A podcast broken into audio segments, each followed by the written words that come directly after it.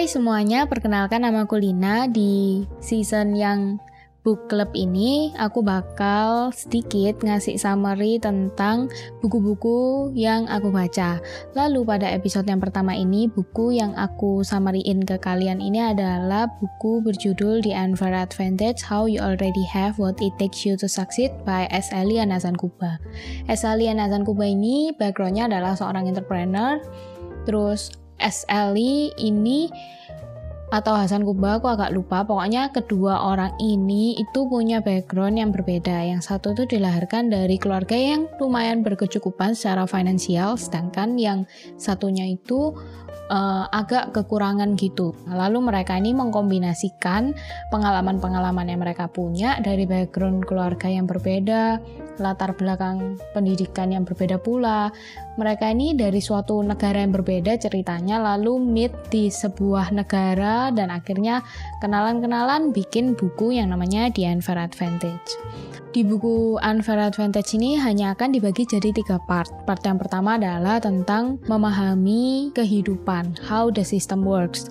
Lalu pada part kedua itu adalah kita mengetahui apa sih our unfair advantage dengan menggunakan Miles Framework. Lalu pada part ketiga kita mengenali diri kita. Jadi lebih ke pekerjaan apa sih yang kita itu mau lakuin untuk selamanya. Apa sih sebenarnya hal-hal yang kita kejar di dalam kehidupan ini. Lalu gimana lifestyle yang cocok untuk kita secara individu untuk mengerjakan pekerjaan itu. Apakah jadi profesional atau jadi startup founder. Jadi kurang lebih kayak gitu. Lalu pada part yang pertama ini membahas tentang kunci sukses itu adalah fair play dikali dengan unfair advantage. Fair play ini adalah hal-hal yang kita semua punya secara fair. Contoh, setiap manusia itu punya kehidupan itu ya 24 jam per hari, nggak ada yang punya lebih dari 24 jam. Itu fair play. Semakin sering kita hustle something, kita juga semakin meningkatkan apa yang kita ingin dapatkan. Lalu, unfair advantage ini adalah sesuatu yang kita tuh sudah punya sejak kita tuh lahir.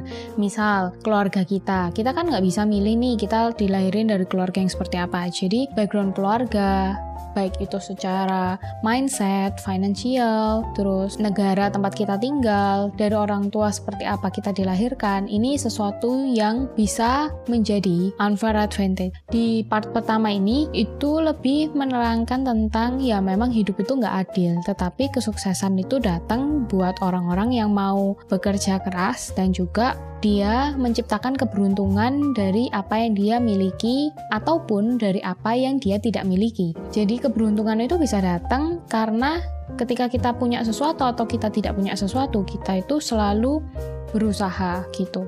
Jadi kalau misalnya kita punya, ya kita memanfaatkan apa yang kita sudah miliki, tetapi jika kita belum punya, ya berusahalah supaya kita itu memiliki itu. Tapi bukan berarti kita itu pasrah dengan kehidupan. Jadi memang itu adalah kombinasi keduanya, kerja keras dan juga keberuntungan. Keberuntungan yang kita memang ciptakan sendiri. Lalu, pada part yang kedua, kita memahami tentang yang namanya Miles Framework.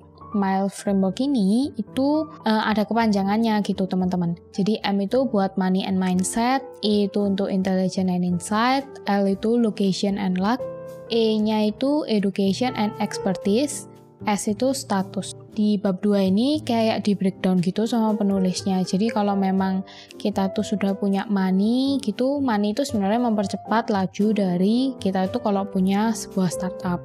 Tapi yang lebih penting itu dari money sendiri adalah mindset. Jadi dijelaskan ada yang namanya growth mindset and fixed mindset. Ini salah satu cuplikan dari Profesor Stanford University tentang growth mindset and fixed mindset. They said things like, I love a challenge, or I was hoping this would be informative. they understood that their abilities could grow through their hard work. They had what I call a growth mindset. Di buku ini lebih diterangkan tentang reality growth mindset. Jadi kita tuh harus punya yang namanya self awareness and self belief. Lalu finding our why itu sangat penting banget buat tentuin apa sih sebenarnya yang kita mau pursue itu. Berikutnya ada yang namanya intelligence and insight. Intelligence itu nggak hanya tentang IQ, tapi ada AQ and SQ.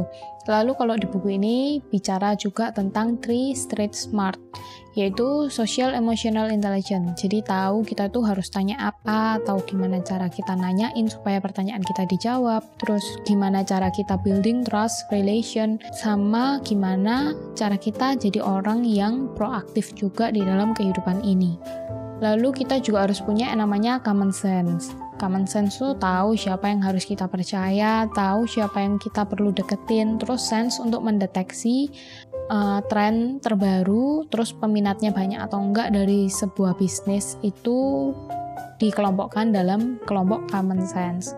Lalu yang ketiga itu namanya bullshit detection. Jadi kita harus tahu uh, ancaman apa yang bisa datang ke kita. Berikutnya ada insight ya. Insight ini ya lingkungan, event, terus hal-hal yang kita bisa cari. Ya salah satunya dari internet lah. Kayak gitu.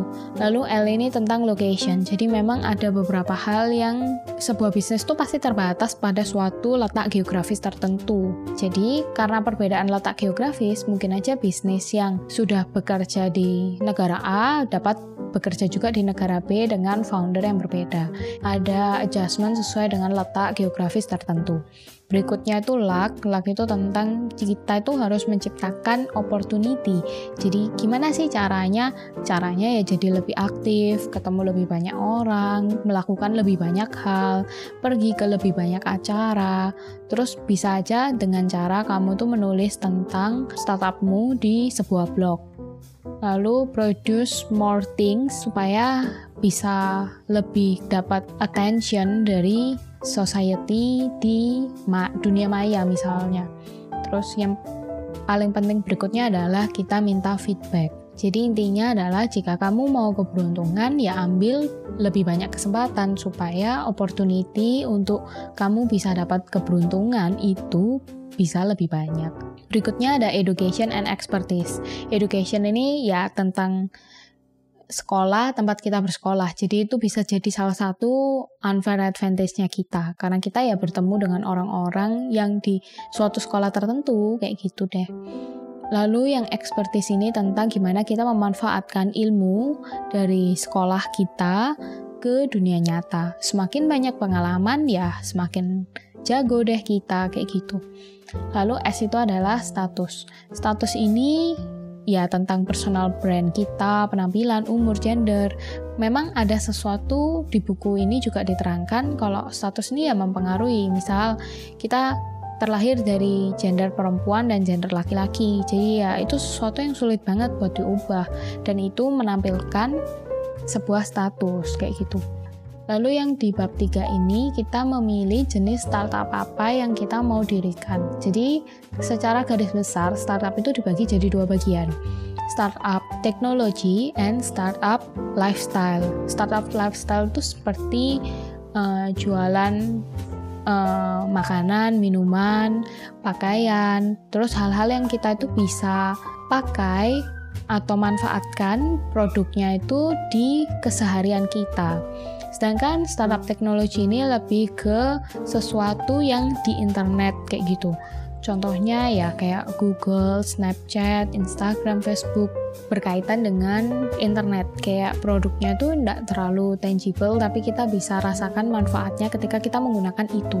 Lebih seperti aplikasi-aplikasi kayak gitu deh. Lalu di bab 3 ini ada 10 pertanyaan tentang lalu di bab 3 ini juga ada 10 pertanyaan yang membantu kita untuk membuat page deck yang efektif. Lalu di bab 3 juga ada kumpulan pertanyaan. Total ada 10 pertanyaan untuk membuat page deck yang efektif supaya startup kita itu bisa ditangkap oleh investor dengan lebih baik dalam waktu yang singkat. Oke deh, sekian summary dari buku The Unfair Advantage by S. Elian Hasan. Menurutku buku ini cocok banget buat teman-teman yang ingin membuat sebuah startup. Jadi startup itu nggak hanya tentang teknologi-teknologi gitu yang kalau kita ngomong sekarang kan bakar-bakar duit dulu baru nanti kita generate revenue.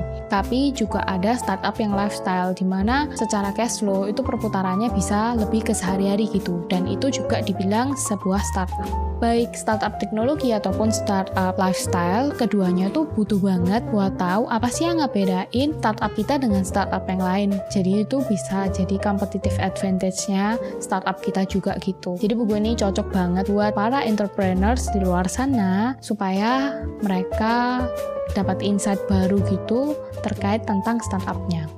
Thank you teman-teman buat yang sudah dengerin podcastku kali ini. Buat kalian yang ada saran buku buat aku baca, boleh banget DM ke @eleonora linawati.